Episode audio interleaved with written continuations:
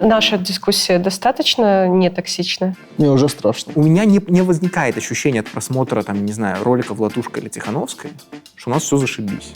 А кто-то говорит, что мы вот-вот победим? В третий раз э, можно уже не объявлять всю забастовку. Люди понимают, что это очередной булшит. Что-то вот как-то я не вижу упреков из Киева в адрес херсонцев на тему, что что-то вы мирные протесты водите по воскресеньям. А этот фраг уже не Лукашенко даже. Как-то.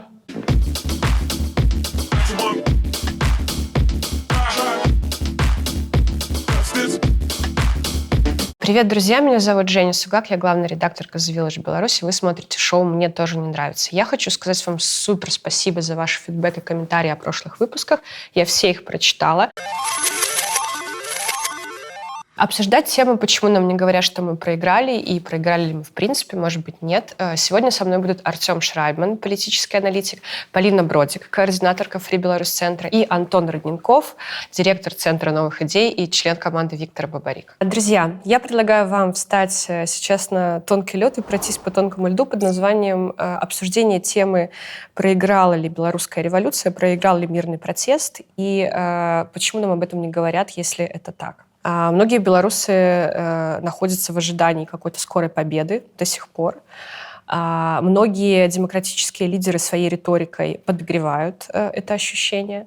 Если сделать какой-то скриншот э, происходящей ситуации, то Лукашенко все еще у власти, мы все все еще за границей, а больше тысячи политических заключенных и еще пару тысяч людей, которые не признаны политическими заключенными, но тем не менее они все равно в тюрьме по каким-то политическим, а, политическим мотивам. Но в то же время санкции есть, изоляция есть, а, есть подпиленные ножки у стула, который, наверное, через какое-то время должен обвалиться. Так вот, э, что в нашем случае это проигрыш? Мы сейчас в проигрыше или нет?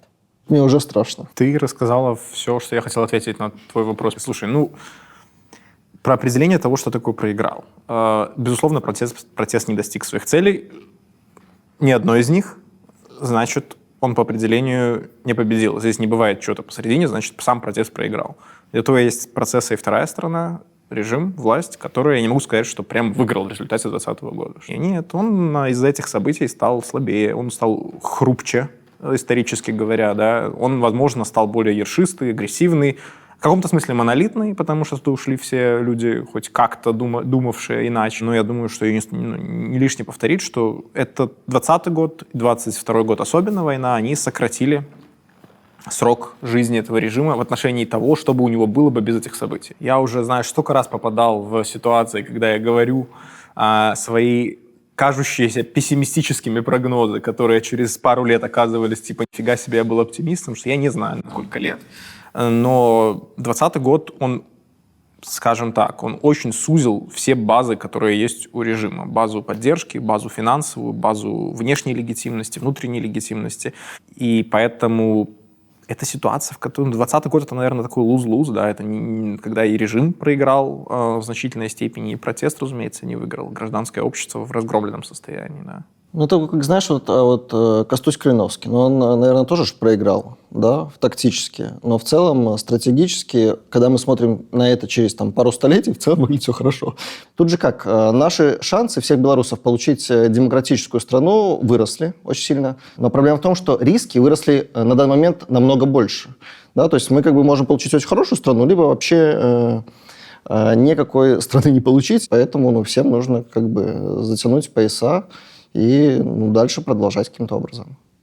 А что дальше продолжать? Пока большинство белорусов придерживается каких-то демократических ценностей, есть какой-то шанс э, на то, что у нас будет нормальная страна. Кто-то устает, разочаровывается, это абсолютно окей. Но пока как бы большое количество белорусов хочет вот этой новой Беларуси, шансы в этой новой Беларуси есть. В целом я не очень сильно верю в какие-то экономические коллапсы. Э, политически, конечно, может произойти какие-то пертурбации, в первую очередь связанные в том числе там, и биологически. Да, Александр Лукашенко не самый молодой политик на этой планете, долго уже находится в кресле. Да, с ним всякое может произойти. И тогда система может начать очень быстро меняться и очень трансформироваться. Но если внутри страны будет оставаться большое количество людей, которые хотят демократии, демократия может быть. А если большое количество людей, которые хотят демократии, будет оставаться за пределами Беларуси? Сейчас ведь эта тенденция очень растет. Просто Илья Солей, например, в прошлом нашем выпуске сказал, что э, это иллюзия, когда ты думаешь, что из-за границы ты можешь повлиять на политический процесс внутри страны. Ты так говоришь, как будто есть хорошая альтернатива. Я не так говорю. Ну, просто это всегда вопрос того, что какие нам опции доступны.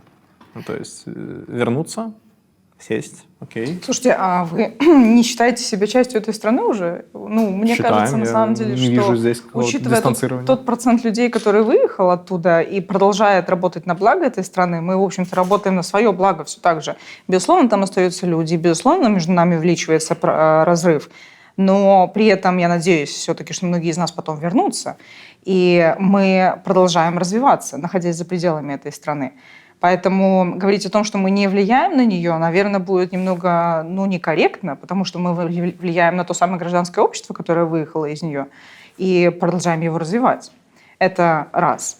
Два. эм, кто нам должен был сказать про то, что мы победили или проиграли? Я не знаю, чешские кукловоды или, может быть, политические силы, представители которых здесь сидят. Газпром. Газпром, в конце концов. И опять ты смотришь на меня. Так приятно.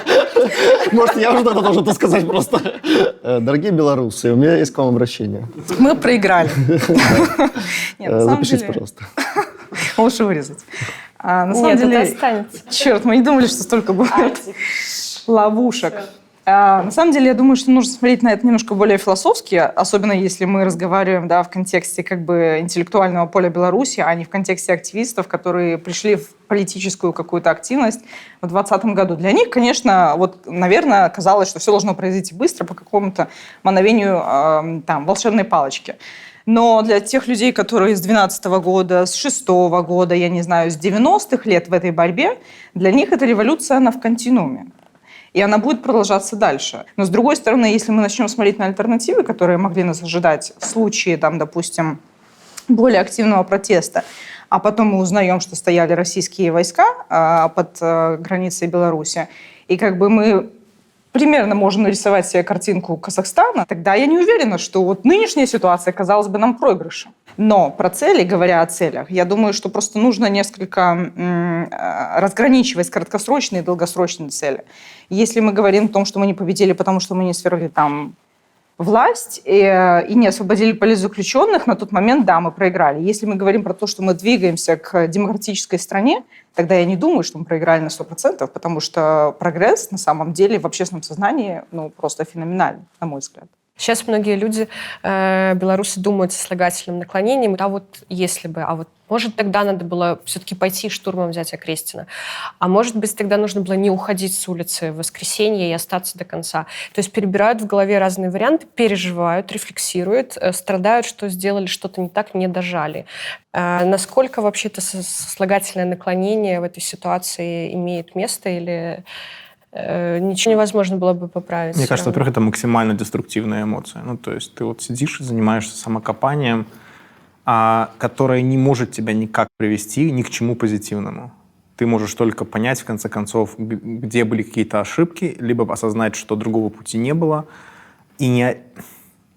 каждый из этих выводов, он скорее будет про то, что, блин, либо мы ошиблись, либо у нас не было шансов. Если ты хочешь знать мое мнение на эту тему, то Хочу я, думаю, тебя что окно возможностей было таким маленьким, что уж точно не стоит по этому поводу страдать. То есть я, я мог себе представить там победу мирного или частично мирного протеста в ситуации, когда происходит быстрый, быстрый перехват как бы, власти, да, когда люди не уходят с площади, когда они не штурмуют здания, не убивают полицию, милицию, ОМОН. При этом власть раскалывается в течение пары дней, формируются альтернативные органы власти довольно быстро, легитимность переходит к ним, и таким образом не возникает вакуума власти, и таким образом Россия, просто не успевая принять решение, имеет перед собой новый режим, который надо либо принимать как данность, либо свергать заново. Да? То есть нужно свергать правительство Колесниковой и Тихановской. Вот в такой ситуации я думаю, что шанс был. Давайте переоценим, насколько это было реально. Ну, это, это очень узкая да, вот, вот дорожка, по которой надо, нам нужно было бы иметь, а, другой народ,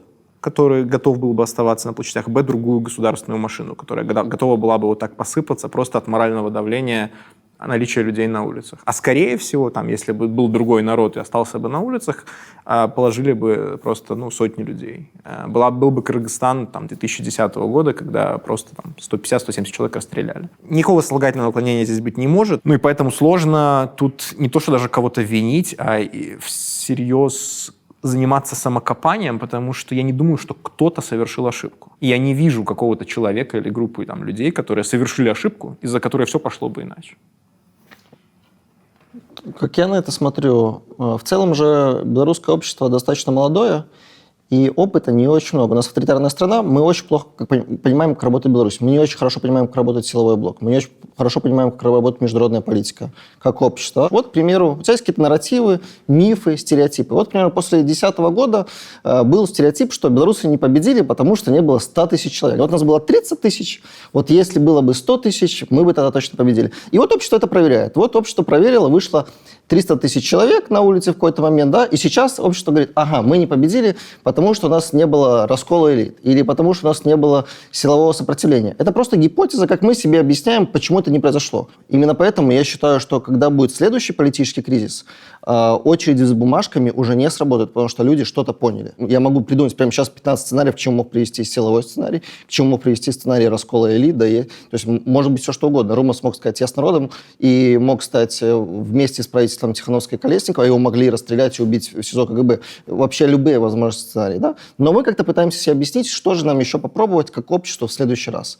Если же говорить про именно силовой сценарий, ну, не, было несколько ключевых э, ситуаций, когда, когда могло могло развиваться по силовому сценарию. Да, это убийство Бондаренко, было еще, возможно, радикализация в конце августа, когда протесты были большими, общество не родило таких лидеров. Ну вот Артем сказал, что э, был бы у нас там другой народ, который, например, не уходил бы с улицы. Но опять же тут есть еще и такой же стереотип из тех, про которые ты сейчас говорил, о том, что если бы кто-то тогда пришел и сказал «не уходите», то люди бы не ушли, потому что у них не было методички, несмотря на то, что пропаганда думает, что была методичка, э, о том, как себя вести, потому что мы не афиты в этом вопросе. Я в сентябре общалась с одной украинской журналисткой, которая, конечно же, изначально была на Майдане, и в шестом году тоже, э, и, значит, ну и приезжала вот в Беларусь в 2020 году.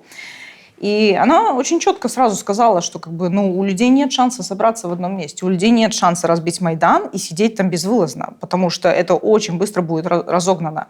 Мы прекрасно знаем о том, что э, белорусский ОМОН учился как раз-таки по методичкам, вернее, изучал ошибки, как они считали, своих коллег, с 2014 года в Украине, и они к этому всему готовились. Мы могли бы там оставаться на улице, не факт, что это получилось бы, скорее нет. Но, что самое главное в этой ситуации, не зацикливаться вот на этом самобичевании. Ну, прошло уже почти два года, ну, come on, ну, типа, давайте двигаться вперед. Потому что если мы будем стенать продолжать, то, ну, мы точно ни к чему хорошему не придем.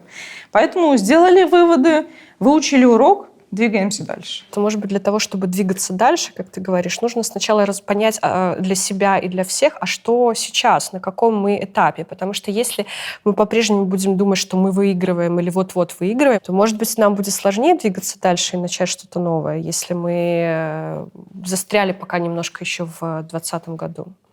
А кто-то говорит, что мы вот-вот победим? А, ну, долгое, продолжительное время нам рассказывали, что вот-вот улетит самолет, например. Кто это говорил? А, что, Антон, прости? Кто это говорил? Ты знаешь, кто? Нет. Женя журналистка, она следит за медиаповесткой, я не все успеваю читать.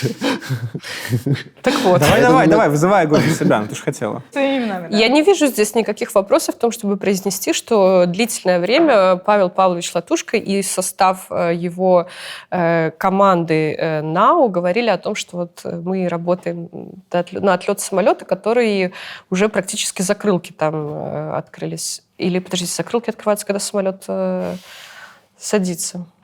Whatever. Наверное, как мне кажется, на демократических силах лежит эта ответственность э, сказать людям, что происходит в реальности. В то же время мы постоянно в их риторике сквозит какой-то иногда неоправданный, как мне кажется, позитив о том, что, там, как я говорила, Лукашенко проиграл, Лукашенко уже проигрывает. Так комментируется любое действие власти, какой-то факап, репрессии или еще что-то, что вот э, они проигрывают, они это понимают. То есть это как Хартия практически, которая 25 лет уже пишет про то, что диктатору осталось э, два месяца э, и переворачивает календарь на следующий год. Это fake it until you make it или что это значит? Мне кажется, вот я даже по себе смотрю, иногда э, не хватает баланса. И что мне не нравится во всей, во всей этой поездке, что либо иногда хочется, уходим э, в, религиоз, в религиозную позитивистскую веру, что вот мы уже победили. Хорошо, что протест не победил быстро, да, мы готовы еще. Либо сразу уходим в какой-то срач, да, в самобичевание, депрессию. Это особенно касается экспертного сообщества и э, так называемых демократических сил. Мы просто из какого-то э, веера сценариев своей э, верой э, в то, что все хорошо, оставляем вот такой вот кусок. Да? Грубо говоря, если мы всю осень 2020 года говорили, что мы уже победили, можно не переживать, осталось это, у нас в сценарии осталось дед э, Лукашенко уходит через э, три недели, либо Лукашенко уходит через три месяца. Мы не смотрели, а что же будет, если Лукашенко уходит через год, через три года. Если бы мы смотрели на это менее я скажу так, пропагандистски более трезво, мы бы и решение, наверное, принимали, исходя вот из этого веера сценариев, а не этого веера сценариев. Поэтому здесь первое – это самим понимать, что происходит. Второе эм, – мы общаемся с нашей аудиторией. Наша аудитория нам верит мы эту веру не должны терять. Если демократические силы с интервалом в два месяца объявляют забастовки, в следующий раз, третий раз, а мы боимся сказать, что тот, кто объявил забастовки, говорит какую-то глупость, потому что не хотим показать, что у нас раскол, в третий раз э, можно уже не объявлять эту забастовку, люди понимают, что это очередной булшит, да? Поэтому здесь нужно подходить, э, стараться избегать вот этой слепой э, веры, что все хорошо, наша голова крепка, мы пробьем эту стену, и вот это вот самобичевание, что жизнь, тлен, э, все, учу польский язык, и, и здесь я проживу всю свою жизнь, а как-то подходить к этому более трезво, потому что если это долгая история, по-другому мы эту долгую историю не сможем пробежать. В какой-то момент мы сломаемся либо на этом цикле, либо на этом, а когда ты относишься к этому с все равно с позитивом. В Беларуси без позитива заниматься политической активностью невозможно. да, это очень болезненный вообще процесс в целом. Э, и до 20-го был, и после 20-го тоже, да. Но нужно как-то пытаться нам всем тренироваться более конструктивным дискуссиям, обсуждениям. Без этого не получится. То есть нужно обсуждать, что было не так в 2020 году и в 2021 году. Были ошибки, да, это абсолютно нормально. Как ты сказала, мы были неофиты, у нас нету э, политтехнологов. Ну, там, ты уже 10 лет в этом, ты уже мог бы как бы и подсказать. Ну, я же статьи писал, ты же понимаешь. Я очень понимаю, да. Ты как никто это понимаешь, поэтому это немножко другое. Когда ты начинаешь вот так вот, оно там experience... Кукловодить. Немного по-другому, да. Ну, ты видишь, Антон хотя бы пошел в политику, а ты продолжаешь статьи писать. Я не вижу вот этого вот, как это даже называть, шапка закидательства, да, в формате, что мы победили, или вот-вот мы победим. Мне кажется, такие вайпы, они прошли год назад. С тех пор я ни от одного даже самого оптимистичного лидера или активиста, или там говорящую голову оппозиции не слышал а, рассказов про скорую победу. Потому что, ну, это, это бы засмеяли даже свои сторонники, когда протеста нет, когда вы все в эмиграции, когда все ваши соратники в стране сидят, откуда возьмется скорая победа, и поэтому люди перестали про это говорить. И я имею в виду ну, лидеры, по крайней мере, кого я вижу, слушаю и определяю как лидеров. Да. Может быть, кто-то продолжает в своих блогах, там, я не знаю, YouTube-каналах рассказывать про победа вот-вот-вот, вот мы уже на самом деле просто э, режим должен осознать, что он проиграл, и уйти, и вот в этот момент это все наладится. практически да? цитата сейчас. На мой взгляд, э, у этих людей, э, которые так говорят, происходит такой какой-то дарвиновский отбор аудитории. То есть, мне кажется, их уже слушают только те, кому психотерапия важнее рассказа про реальность. И этим людям они, ну, они получают за то, зачем они пришли. А мне кажется, вот таких людей уже не слушают те, кто за два года устал от баек, да, вот таких вот как бы заряжателей на скорую победу. Слушай, я могу долго критиковать оппозицию и лидеров Демсил, но вот прям за излишнее, э, излишний оптимизм я бы их не критиковал сейчас, потому что э, ну, мне, у меня не, не возникает ощущения от просмотра, там, не знаю, роликов Латушка или Тихановской, что у нас все зашибись. Да, то есть, что вот у нас все, все, все, все стало как бы... Что они мне пытаются донести мысль, что, что мы победили, и, проблема, и проблема решена, и осталось просто подождать. Да. Не, я вижу там людей, которые... Не знаю, сколько они реалистично понимают глубину как бы кризиса, в том числе и демократического движения, но ну, они уж точно понимают, что они не пакуют еще вещи домой. Ладно, давайте вернемся в реальность, да? Сейчас война идет. И мне кажется, все ленты уже и все паблики вот вышеупомянутых, они пестрят как раз сообщениями о том, что скоро победа Украины. Но точно не Беларуси, скорее. А потом мы уже как-то, может быть, разберемся. И все то, что будет происходить в одной стране, будет сказываться на другой и наоборот. Поэтому наши победы, они взаимосвязаны, и мы должны бороться, вот, собственно, на то, чтобы справиться с общим врагом. И, к счастью или к несчастью, я не знаю, этот враг уже не Лукашенко даже. Как-то? Путин. Я просто хотела это услышать, проверить. случай. Может быть, у нас... Латушка, да? Общий враг. Внезапно было бы, да? Откровение. Повисла неловкая пауза, да? Это можем оставлять и не вырезать. Ни одного слова «латушка» не будет вырезано из этой передачи, даже это. Даже, даже те из этих лидеров, которые э, боялись произносить фамилию Путин вслух, еще до февраля, до, господи, боже мой, в середине февраля, мне кажется, мы на эту тему разговаривали, и все таки ну, будет, конечно, все неоднозначно, будет сложно, и тут хуяк, и на самом деле в один прекрасный момент все как бы заняли ту позицию, на которой должны были оказаться. И уже ничего не сложно, уже нету двух позиций, все очень даже понятно. Война, я думаю, тоже сокращает срок пребывания Путина в данном случае у власти. Путинский режим до этого выглядел намного стабильнее, чем режим Лукашенко, очевидно. Ну, то есть там по всем, абсолютно любому критерию, и по поддержке людей, и по богатству, и по просто, не знаю, умению грамотно манипулировать инфопространством, возможностям оппозиции и гражданского общества хоть пробиваться к людям. Да? То есть мы, мы не, мы не понимаем и не оцениваем, насколько в Беларуси гражданское общество имеет а, то, что называется reach, да, э, попытку, по покрытие да, э, с белорусского всего остального общества и способность до него достучаться и дойти. В России ничего подобного нет. Там большинство страны живет абсолютно абсолютно в пузыре, в котором у нас живет очень небольшое меньшинство телезрителей. И поэтому то, что происходит сейчас с Россией, по сути, да, это, это не может быть стабилизирующим фактором для России, для российского режима. И также мне сложно представить, как режим Лукашенко может очень долго выживать э, в том позитивном сценарии, в котором Украина или победила, или хотя бы эта война достаточно ослабила Россию, чтобы она не могла больше проецировать свою вот эту имперскую мощь. Да. И поэтому, ну, в книжках, в учебниках истории вполне вероятно будет написано, что 20 год раз, да, одна, одна отметка, 22 год вторая отметка, которые стали такими моментами занепада всей этой нашей авторитарной братьи постсоветской. Слушай, ну да, но с другой стороны, ведь этот процесс э, вот этой деградации, он может длиться еще очень долго. Мы молодые.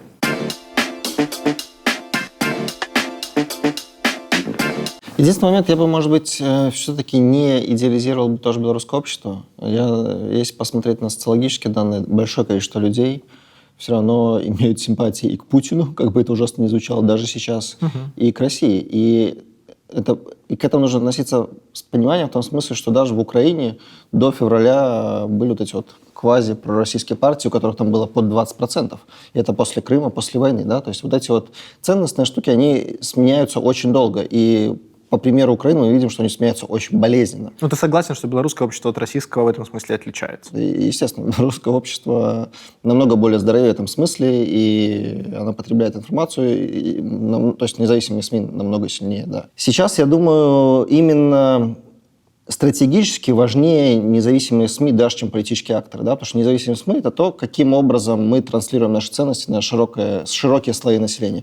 Если независимые СМИ будут крепкие и будут, э, и люди в нем будут оставаться, большая часть общества будет оставаться в их медиаповестке, все будет хорошо, да, вот это вот количество пророссийских будет уменьшаться, количество там продемократических будет расти, но это как бы вызов, потому что режим тоже понял, что он в 2020 году проиграл медиа-войну, и поэтому, если мы посмотрим э, статистику по YouTube-каналам за апрель, то в пятерке самых популярных YouTube-каналов два, э, три провластные.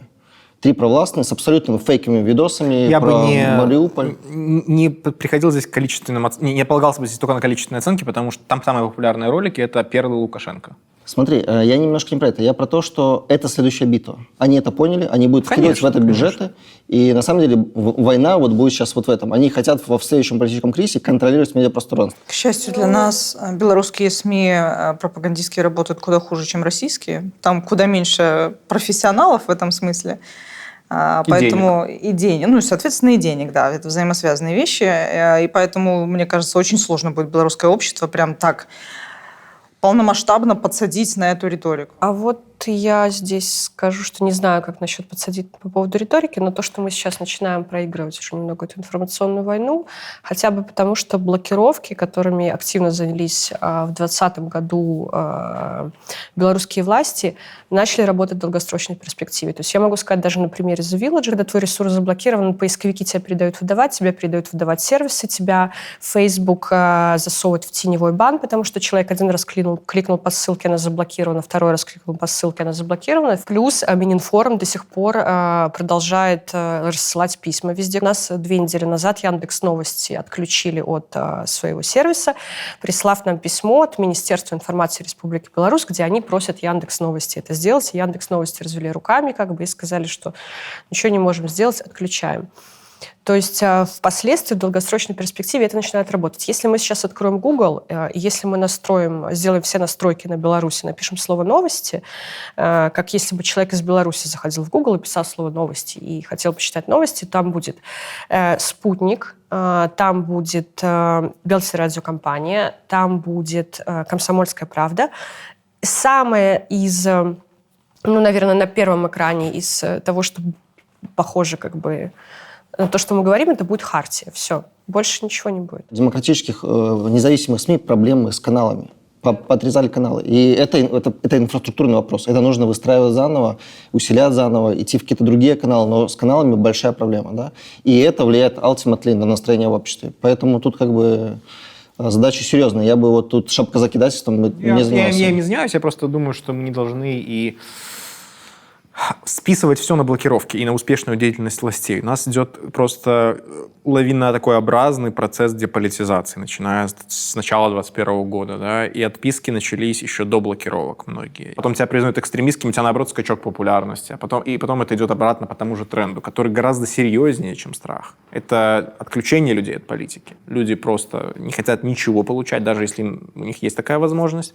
Но это отчасти и позитивная новость состоит в том, что когда и если, точнее, когда произойдет новая, новая вспышка политизации, произойдет то же самое, что происходило с э, подписками на нехту во время начала войны, во время начала революции. И эти люди, они что называется, реengейджмент, да, начнется, они вернутся обратно на те каналы, откуда им будет поступать информация, от которой они отключались из-за страха или из-за усталости. Вот. Э, это я пытаюсь привнести немножко позитива в ваши упаднические настрои. Должен был прозвучать вопрос, почему белорусские войска не вошли, и, собственно, что остановило их в тот момент. Ну, кто же и знает, отображает ли это вообще настроение в обществе? Ну, мы знаем настроение в обществе по этому вопросу. 85-95% белорусов, по разным данным, против а, вступления белорусских войск в войну. Это значит, что даже большинство ебатик против этого. Это значит, что большинство армии, скорее всего, против этого, потому что армия не набрана из, из телезрителей Озаренка. Да, и поэтому, и поэтому как бы войска туда ввести было бы, э, ну, отчасти таким суицидальным шагом да, для Александра Григорьевича, или очень рискованным, а, потому что... Остаться без войск тоже плоховато. Если мы говорим об ССОшниках, которые скорее бы туда поехали, силы специальных операций, это те же люди, которые участвовали в разгонах, часть из них, по крайней мере, да, не только ОМОН же участвовал, мы знаем. Ну вот вопрос, тебя отправили туда погибать, да, половина не доехала, половина, там треть разбежалась, те, что, тех не доехала обратно, я имею в виду. Те, что вернулись, насколько они были бы довольны этой ситуацией, лояльны, верны? Вообще, как, как поражение в войне сказывается на имидже э, как бы, человека с остальными яйцами? Вот вопрос, да. И, и, и до сих пор Лукашенко, как бы, его, его имидж в глазах своих сторонников и подчиненных строится на том, что он никогда не проигрывал. А, если бы он потерял пол армии в войне, или там половину тех, кого он туда отправил, это сложно прям как-то спасти имиджево, да, и представить как победу, особенно в ситуации, когда ты не контролируешь две трети белорусского общества информационно. Mm-hmm. Поэтому но на самом деле мы не знаем, как повернулись бы события на, собственно, на поле битвы в Украине, если бы вошла белорусская армия. Потому что все-таки это было очень важное стратегическое направление, и украинцы очень сильно этого боялись. Тогда... Что у меня мало веры в белорусскую армию в этом смысле. Ребят, позвольте вас вернуть к белорусскому протесту. У нас будет передача про Укра... Укра- как, как возможно бы, если бы белорусские войска вошли в Украину, мы еще обсудим. В следующих передачах. В следующих передачах, где будете не вы уже. Спасибо, Евгения. С вами было приятно Где будут эксперты. Будет настоящий эксперт. Я шучу, я буду только вас теперь приглашать все время. А скоро и будешь, скоро закончит. Э, Ты говоришь, Полина, про Украину часто. Ты в Украине прожила какое-то время, много общалась, э, социализировалась. Украинцы часто высказывают мнение белорусам о том, что мы плохо провели вообще свое мероприятие под названием «Белорусский протест». О том, что мы э, с цветочками ходили, когда нужно было ходить с чем-то другим, что мы перед лавкой разувались, когда нужно было эту лавку сносить э, к хренам. Это говорят то, что у них есть свой соответствующий опыт, в котором они вышли из этого опыта победителями, поэтому на нас они иногда смотрят свысока. Что отвечать э, им на это? Обожаю эти вопросы, постоянно слышу. Но на самом деле, э, во-первых, конечно, если начинать анализировать, сравнивать обстоятельства политические, экономические, социальные, культурные, то мы найдем не так много общего в той ситуации, которая была в Украине, и той, которая была в Беларуси. А мы знаем, что Украина была осторожна в своих действиях, очень сильно осторожна после 2020 года. Они это всегда аргументировали тем, что, ну, конечно, они волнуются по поводу своих э, национальных интересов и безопасности, и это понятно, это вполне как бы аргументированный ответ. С одной стороны, с другой стороны, вот мы говорили про то, что, наверное, вам стоит диверсифицировать все-таки поставки нефти, и не только у Беларуси ее закупать. А они говорили, нет, нам так дешево. И что мы видим сейчас? Сейчас мы видим некоторые проблемы с этим всем. На самом деле, я думаю, и я обычно так и отвечаю, что нет смысла мериться. Кто победил, кто проиграл, кто там, я не знаю, больше шин сжег и так далее. Это, ну, реально, ну, это, совершенно бессмысленно. Мы двигаемся по той траектории, по которой мы двигаемся. Они двигаются по своей траектории. Они местами пересекаются. Мы можем только друг друга усиливать. То есть сейчас не время для споров с украинцами на тему, что вы тоже бяки или что-то такое. Поэтому я в таких бы разговорах сейчас просто не участвовал, избегал бы. Но если люди хотели услышать, то и сейчас особенно появились примеры, которыми ты можешь им это объяснить. Ну, в Херсоне местное население не свергло русских оккупантов. Ну вот прям не встали мирным или немирным протестом, не удалили российскую армию. Белорусский режим, как бы, при, особенно при поддержке российских силовиков и при готовности так, той применять силу, которая у него была, он не сильно отличается от оккупационной армии. И что-то вот как-то я не вижу упреков из Киева в адрес херсонцев, хер, хер, херсонян, как, ну, жителей Херсона, на тему, что что-то вы мирные протесты водите по воскресеньям. Не, берите... Ладно, Херсон, а Крым? Крым, да, Донбасс, почему вот не свергли там эту ДНР, ЛНР, да, вот почему этого не произошло? Этих упреков, я не знаю, наверное, есть, там есть какая-то предвзятость и даже хейт иногда в сторону переселенцев с Востока в Украине, но сейчас ни у кого не хватает, даже не хватает, мне кажется, мысли, ну, наглости думать в сторону, что, ребят, давайте, свергайте ваши э, там, оккупационные администрации, потому что люди начали понимать, что такое силовой контроль, да, в Украине никогда не было диктатуры, поэтому, ну, это нормально, что люди на все смотрят со своей колокольни, мы тоже. Э, Но они не понимают, что такое силовой контроль над обществом, что такое действительно режим ну, внутренней оккупации, назови как хочешь, там, авторит... прочного авторитарного режима. Не скидывали украинцы украинскую СССР, пока она была частью СССР, да, пока там стояли советские войска и так далее. Когда СССР стал разваливаться на куски, тогда, конечно, Польша, бархатная революция, пожалуйста, в Украине огромные забастовки и демонстрации, и в Беларуси тоже. Есть некоторые объективные, скажем так, факторы, да, и поэтому ну, я бы понял, если бы такие, такие закиды в нашу сторону делали, не знаю, жители ну, Египта, да, которые взяли и свергли своего там диктатора, чтобы через год новый диктатор пришел к власти. Окей, с их бы стороны я бы еще послушал, но украинцы не были в такой ситуации никогда. Поэтому э, это просто нерелевантный спор, но сейчас, повторюсь, не время его вести, учитывая, что действительно они воюют за нашу общую свободу. И что есть немалая вероятность, что именно на вот, Украине обломает зубы э, не просто конкретный Путин, а абстрактный вот этот постсоветский авторитарный монстр, который в том числе и белорусов держит в заложниках. Это про, это про э, вот этого красного человека из книги Алексеевич. Это вот он, да. И вот он сегодня пытается бороться с будущим, и будущее, судя по всему, может надавать ему по зубам, вероятно, навсегда. Я просто хочу еще добавить, что э, белорусы участвуют в этом всем довольно активно. Есть смысл показывать то, что мы сейчас делаем. и то, каким образом мы пытаемся изменить ситуацию. То, в том числе, насколько, возможно, отличается реакция нашего общества от российского общества. Абсолютно пацифистское общество не может за две недели взять автомат и начать жать э, покрышки. Так не работает. Да? Это в том числе про общую культуру, про какие-то норму, да, что считается нормой в Беларуси, что считается не нормой, да, про оружие, про все остальное. Поэтому оно было просто невозможно.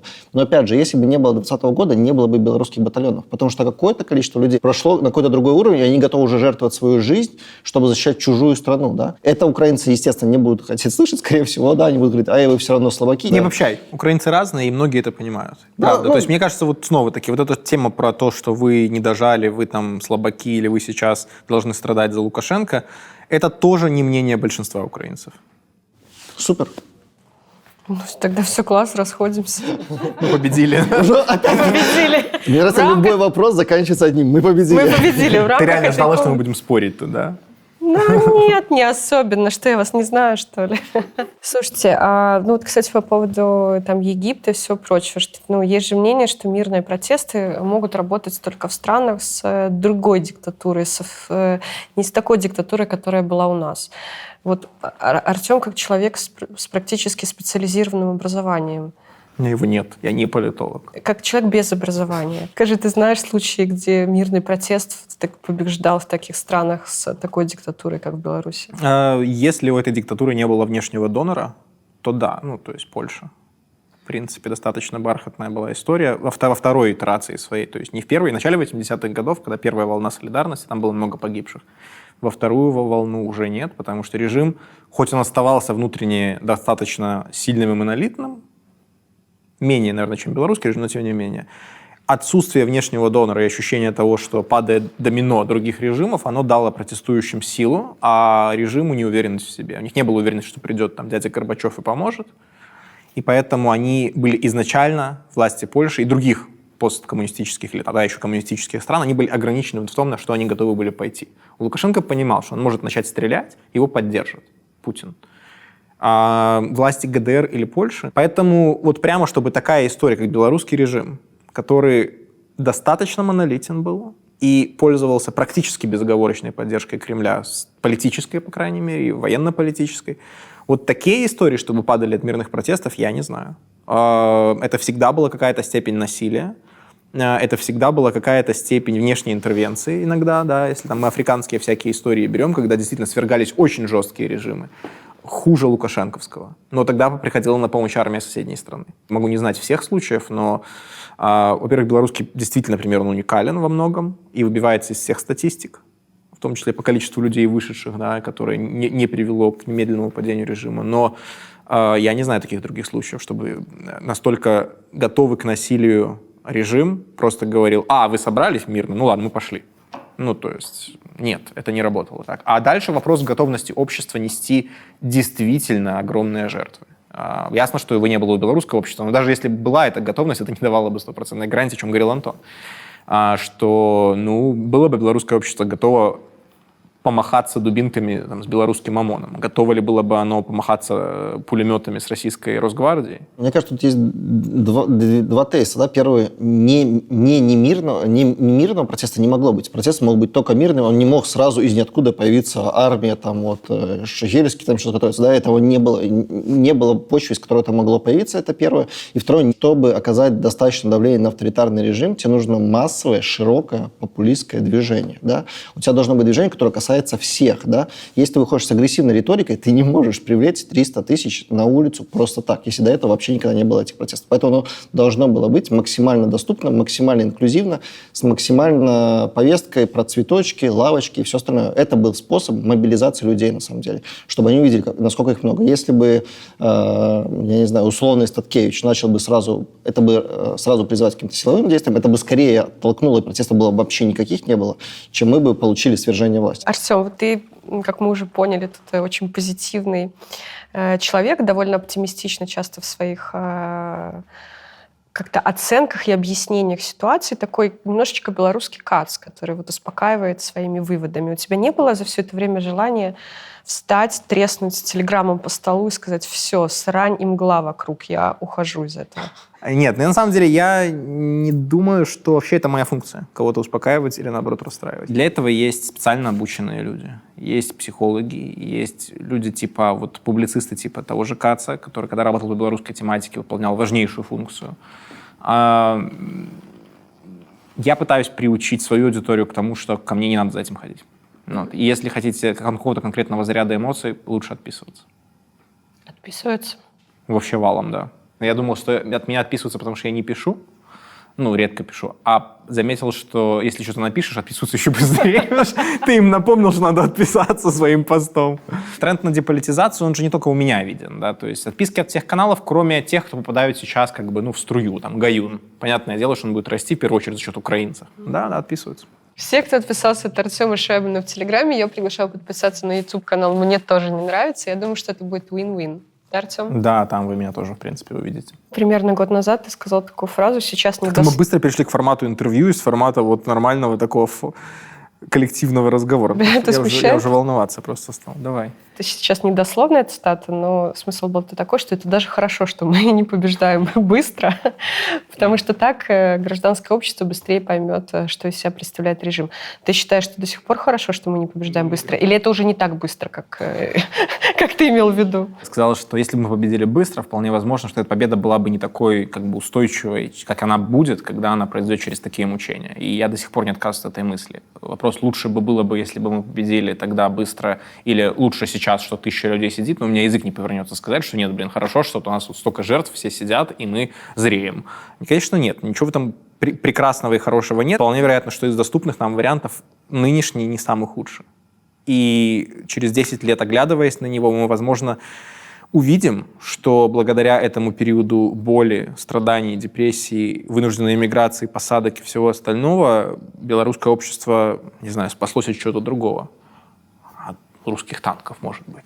А я просто пытаюсь во всем искать позитив все еще для себя. Возможно, это особенность моей психики. Это у меня привычка, возможно, родилась с моих военных сборов, когда нам всегда на все отвечали, что, ребят, ну, блин, ну да, да у вас не работает один туалет. У нас на сборах вообще туалета не было. Мне кажется, мы все белорусы за последние пару лет этому науч научились, потому что я весь э, предыдущий год э, вс все свои какие-то неудобства мерила с тем, что сейчас происходит с людьми в тюрьме любое. Если я мылась э, под холодной водой в ледяной ванне зимой, потому что в Киеве отключили горячую воду, а такое было, я думала о том, что вот а Саша Василевич э, в камере, у него там воды, вообще воды нету. И, в принципе, как бы работает, но, с другой стороны, может быть, как-то заниженное совсем э, создает у нас ожидания от нашей действительности. Ну, и дальше вопрос, что для тебя приоритет? Собственный психологический комфорт в моменте или заряжание себя на изменения вокруг ситуации?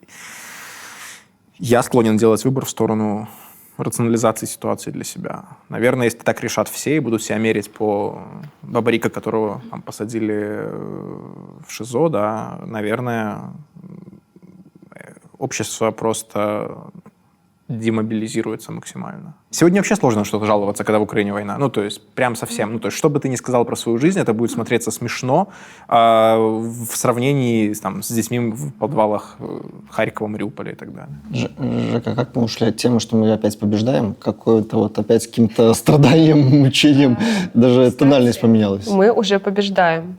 Мы решили напоминать об этом каждые 10 минут программы для того, чтобы вдруг, вдруг не забыли. Хорошо, давайте обсудим еще такую чувствительную тему, э, как переговоры.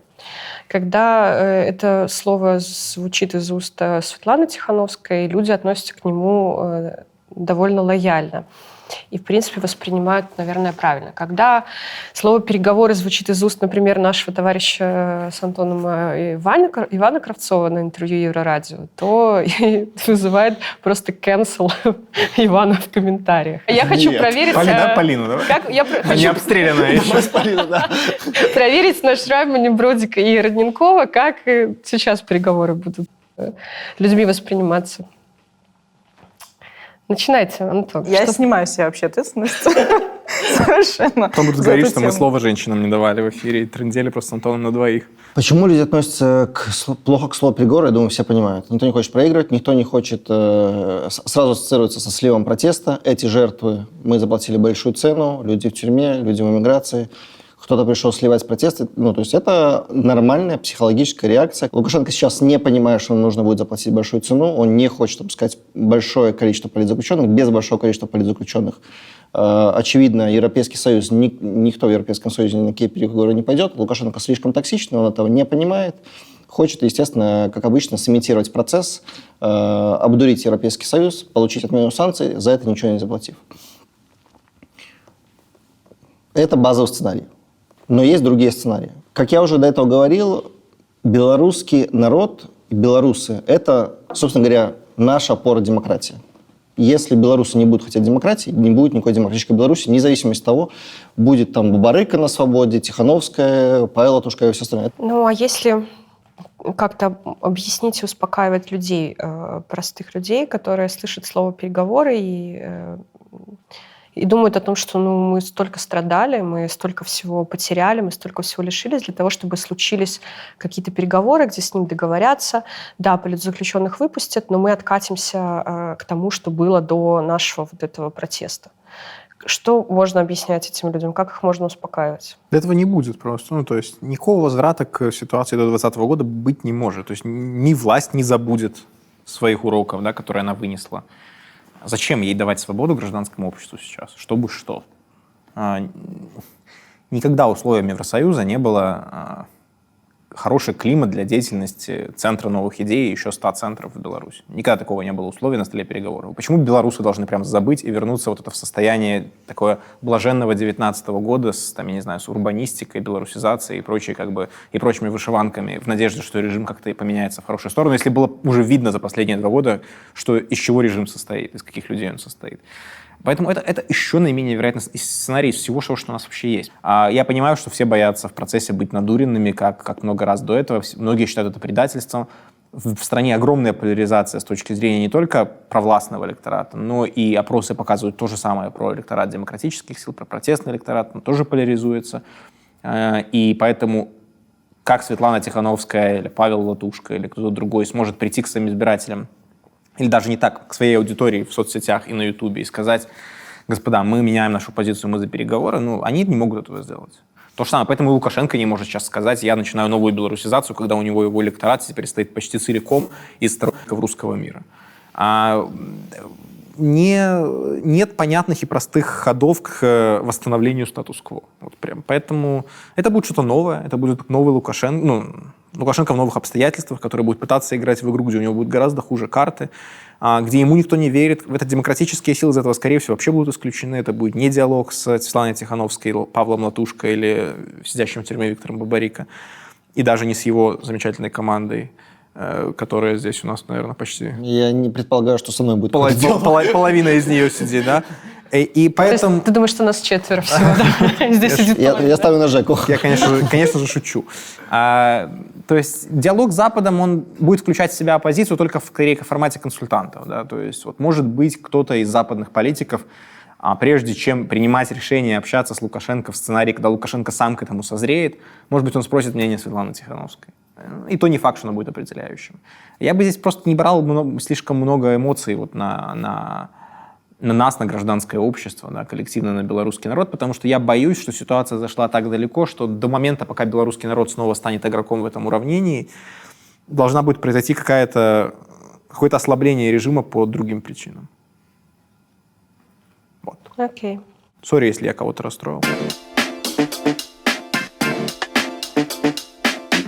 Я на самом деле согласна с этим. Одно интересно еще и то, что, по примеру Украины, на за тавтологию, а мы сейчас видим, что украинское общество не то чтобы очень негативно относится к идее переговоров с Путиным. Да? То есть чем выше жертва, которая несется за то, что происходит, тем больше желания любым путем это остановить. Потому что но когда вопрос стоит о том, что тебя просто сейчас завалят под Азов сталью, наверное, ты согласишься, чтобы они поговорили и тебя выпустили, чем нет.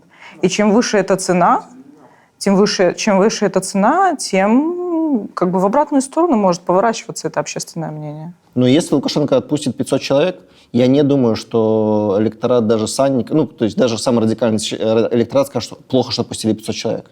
Да, то есть э, пока что это выглядит все мифически, как будто мы обсуждаем какие-то гипотетические ситуации, и, конечно, это вызывает отрицание. Но когда ты увидишь 500 человек вышедших, условно 500 человек, у тебя сразу поменяется отношение, если это произойдет. Да? То есть поэтому я вот этот сценарий считаю, что он просто должен быть на столе сейчас, мяч на стороне Лукашенко. Это он решает, что люди должны сидеть, страна должна там, э, терять независимость, терять людей, терять экономически. Да? Это, это его выбор. Давайте поговорим про Светлану Тихановскую.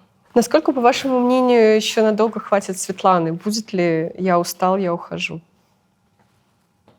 Я понимаю, что это, наверное, нужно спрашивать у самой Светланы. Ну, я могу сказать по своим ощущениям, да, то есть э, я с ней достаточно близко, ну, не то чтобы супер близко знаком, да, то есть, но я с ней общаюсь на «ты». И среди всего прочего, мне кажется, она человек, э, у которого есть ощущение ответственности, долго, и она так это воспринимает. То есть, мне кажется, даже, я думаю, ей тяжело сейчас, и, но несмотря на это, она все это делает. Поэтому я не думаю, что будет какой-то момент, где она скажет, э, все, политика мне надоела, и я ухожу. Она выглядит как боец, и я думаю, она будет оставаться вот в, этом, в, в этой битве. Да? Более того, я думаю, что иногда там в интервью там, Светлана, тут остальные говорят, что вот э, когда все, демократия произойдет, она исчезнет или там пойдет заниматься какими-то другими делами. Я думаю, что и после, условно говоря, победы демократических сил она будет оставаться э, в политическом поле тоже активно. Вопрос, конечно, насколько это все затянется и насколько вообще рациональным будет оставаться э, в политическом поле в изгнании. Потому что, вот помнишь, я у тебя спрашивала на подкасте, не станет ли Светлана Поздняком? А, ты тогда сказала Теперь нет. пора задавать вопрос, не станет ли поздняк. Именно, да. Мы понимаем, что речь идет наверняка там, о годах, там минимум, наверное, о трех годах, а то и больше. И будет ли рациональное зерно в том, чтобы заниматься вот той политикой, той адвокацией, которой они сейчас занимаются, я вот не знаю, не уверена до конца. И я думаю, что нужно просто в какой-то момент себе признаться и перестать бить себя в грудь, если пройдет 10 лет, и сказать себе, ну, давайте сейчас э, свою энергию направим на что-то более созидательное. Это же, собственно, то, с чего я примерно и начинала, когда нужно останавливаться и перестать бить себя в грудь. То есть в, в твоем э, временном континууме это 10 лет, правильно? Женя, а в твоем это сколько? А здесь вопрос, Антик, задаю я. Опять, опять, опять. В моем я не знаю, я тоже хотела вас про это спросить. Жека, я думаю, в твоем 10. В моем 10. Светлана действительно, мне кажется, тоже довольно ответственным человеком, поэтому никто же не требует от нее каждый день быть в эфире. Э, можно просто снизить свою там, интенсивность присутствия в медиапространстве. Можно как-то менять риторику и фокусироваться на а, только теме политзаключенных, на каких-то гуманитарных вопросах. Но я вижу скорее, что она уйдет со сцены, там, или она, или ее структуры, и вообще все политические сегодняшние структуры с появлением чего-то нового в самой Беларуси. Э, например, предыдущее там, поколение оппозиции, оно в значительной степени ушло с, с авансцены, потому что туда пришли вот, трио женское, Бабарика до этого, Цыпкала, там, Тихановский и так далее. И кто-то, может быть, и следующее поколение оппозиции абсолютно новое, откуда-то возьмется, откуда ну, мы сегодня даже не видим, да, с заводов, лидеры типа там Лех Валенца белорусский. И эта волна как бы собой в каком-то смысле смоет предыдущее поколение. Это возможно, но это будет означать, что в Беларуси вернулась динамика, а не все зачахло и сдохло. А так-то какие у нее стимулы будут уходить? Это, это же не Рада БНР, которая находится в изгнании и просто как бы держит э, эстафетную палочку в надежде когда-то передать легитимность БНР новому правительству, да, демократическому. Они занимаются вполне понятной там функцией. Да, они, по крайней мере, штаб Тихановской репрезентируют, представляют белорусское протестное движение или демократическое движение э, в мире. Но у людей есть некоторые претензии к Светлане, на мой взгляд, какие-то несправедливые. Не знаю, в чем, как вы думаете, есть претензии или, может быть, к ней претензии у белорусов? Естественно, протест затягивается, и победа отдаляется. Мы это уже обсуждаем не первый час вместе с вами.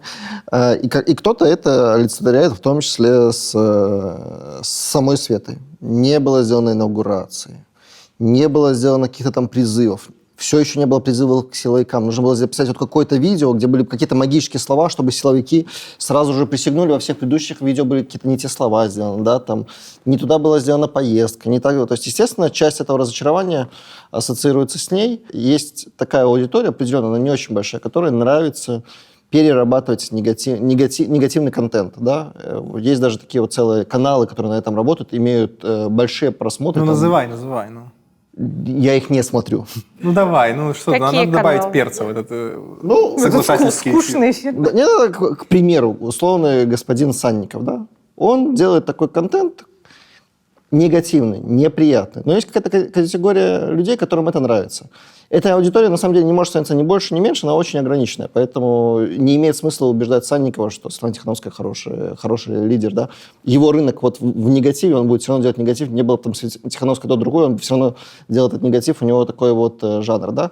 Поэтому к этому нужно относиться спокойнее, хотя я понимаю и могу представить, что для самой Светланы это очень неприятно. Потому что я уверен, что она воспринимает, что она дает всю энергию, и ладно, ее критикуют там условно озаренно Кашпаковский и Ебальский с телевидения, но когда еще условные, условные демократические силы начинают тебя подкалывать, давить, наезжать, пытаться что-то отжать, это, конечно, очень неприятно. И вот когда я говорил в самом начале, мне кажется, нам нужно от этого стараться, самодисциплина, стараться меньше делать токсичного контента, меньше токсичных каких-то дискуссий.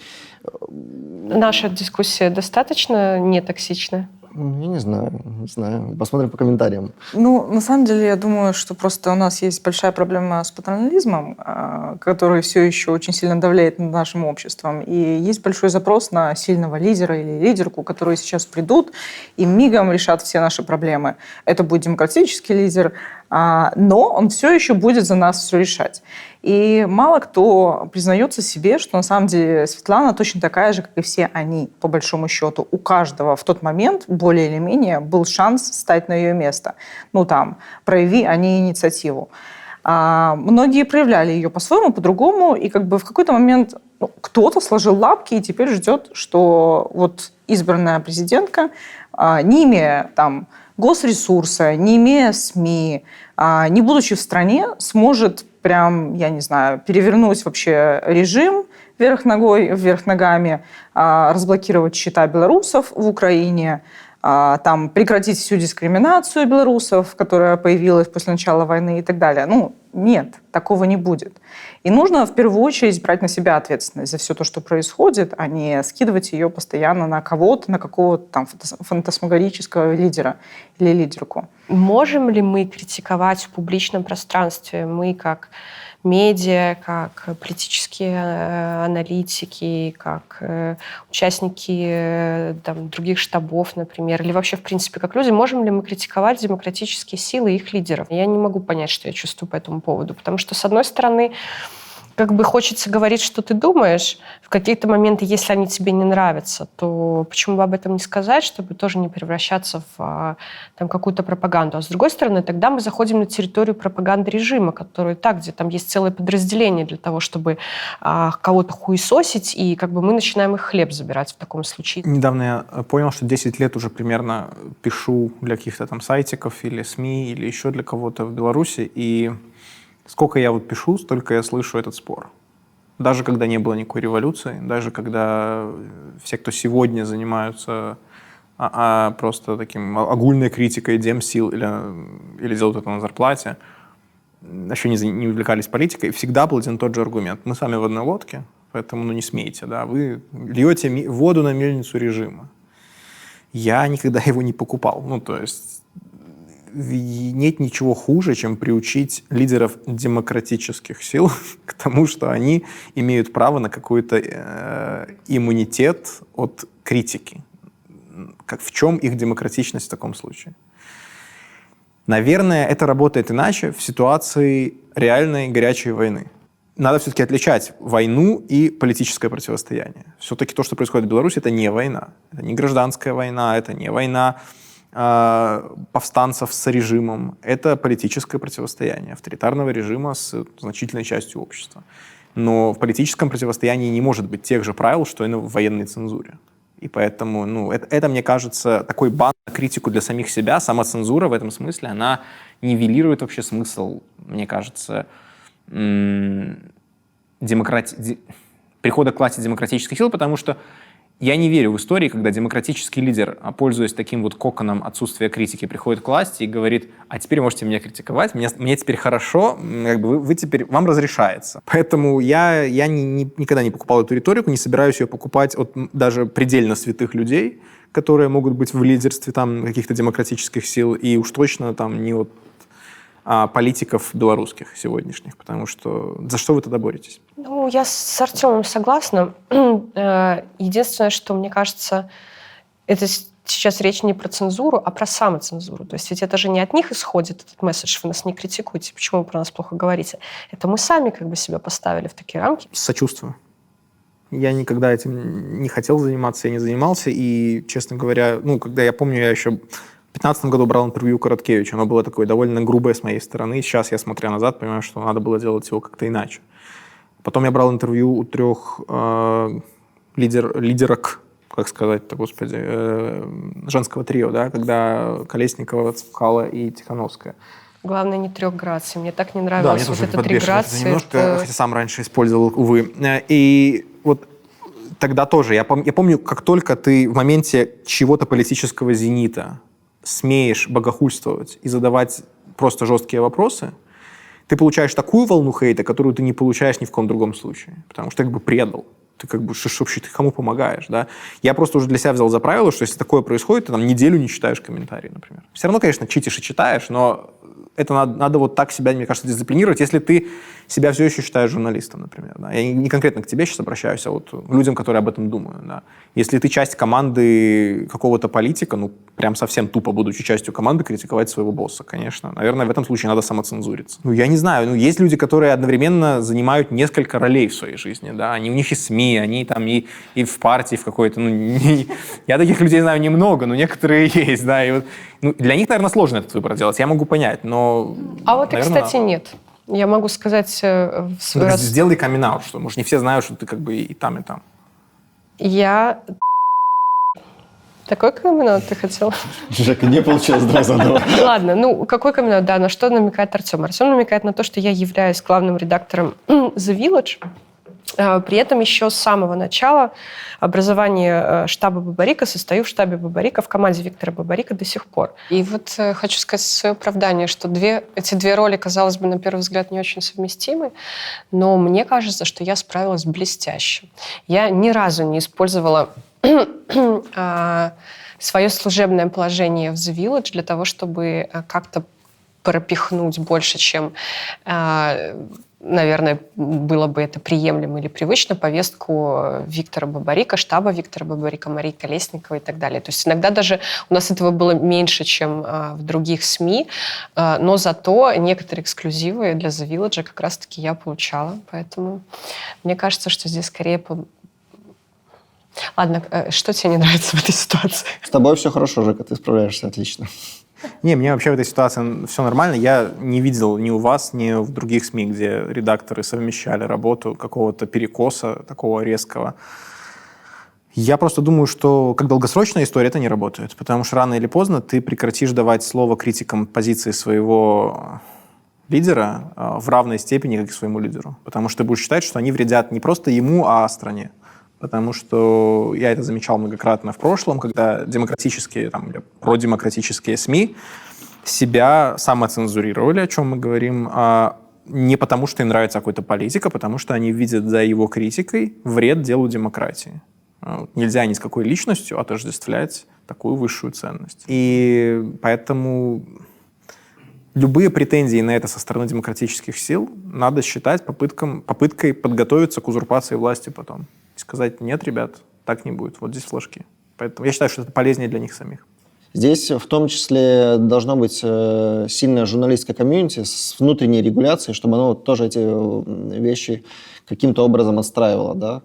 И вот чтобы следило, чтобы эти э, какие-то сохранялись стандарты, потому что понятно, когда происходит 2020 год, и опять же, Настя Рогатко работает в КУКУ и работает там в офисе Светланы Тихановской, да, и, и, и там она главный редактор, а там она глава отдела по коммуникациям, да, то есть это очевидные конфликты. Когда происходит 2020 год, естественно, и для демократических сил, на самом деле, делали это хорошо, потому что приходят люди с компетенциями в старой оппозиции нет людей с такими компетенциями. Да? В бизнес-секторе этих компетенций куда больше.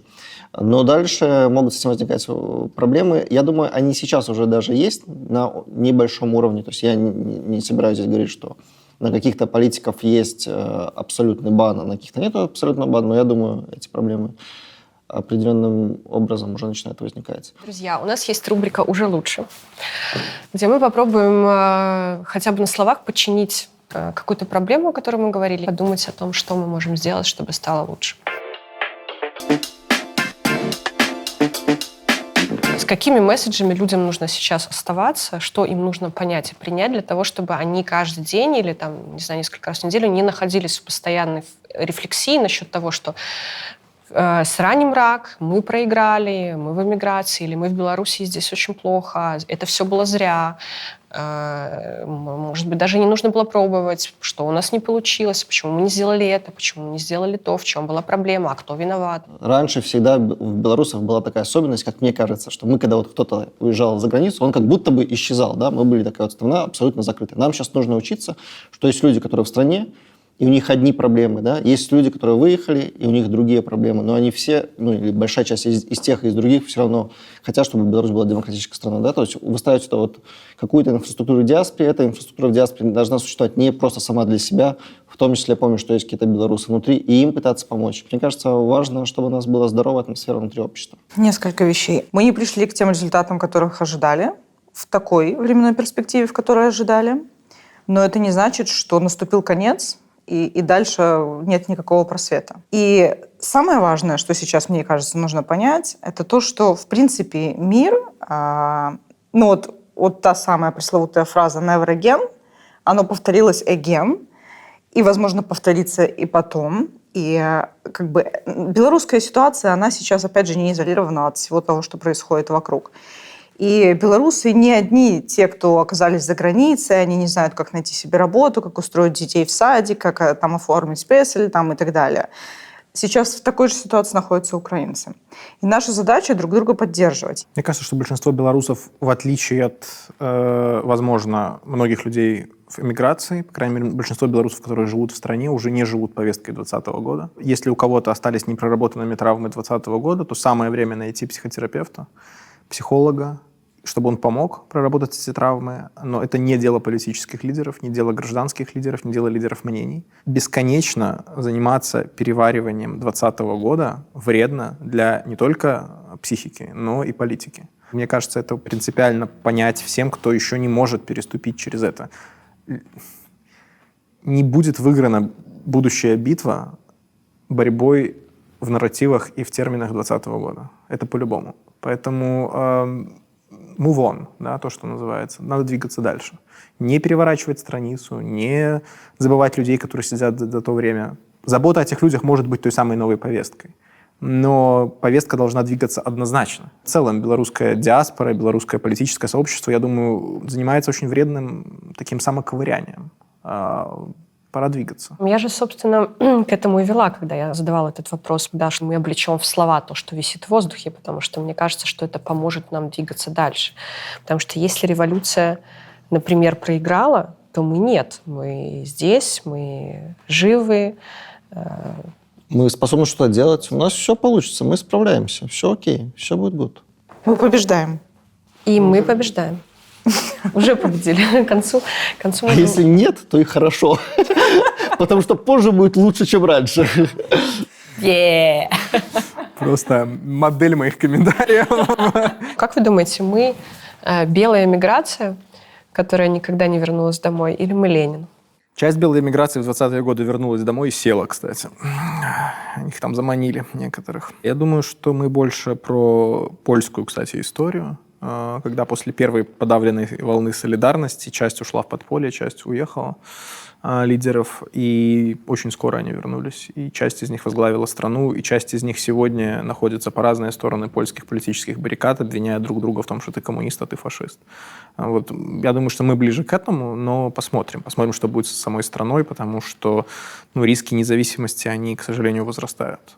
И поэтому гарантии того, что Беларусь будет таким же автономным пространством через 20 лет, через 10 лет, ну, у меня нет, конечно же. А, поэтому уж точно мы не в этом смысле не белая эмиграция, потому что с той стороны э, этого железного занавеса или чего-то там другого уже не крепкий молодой большевистский режим, который вот прям набирает обороты, делает ядерную бомбу, выигрывает войны и так далее. Там абсолютно трехлеющий авторитаризм, который, ну, какое-то время может продолжать на инерции там агонизировать или существовать, и это время может растянуться на непозволительно долго для тех, кто сидит в тюрьме. Но это же не значит, что мы находимся на другой траектории.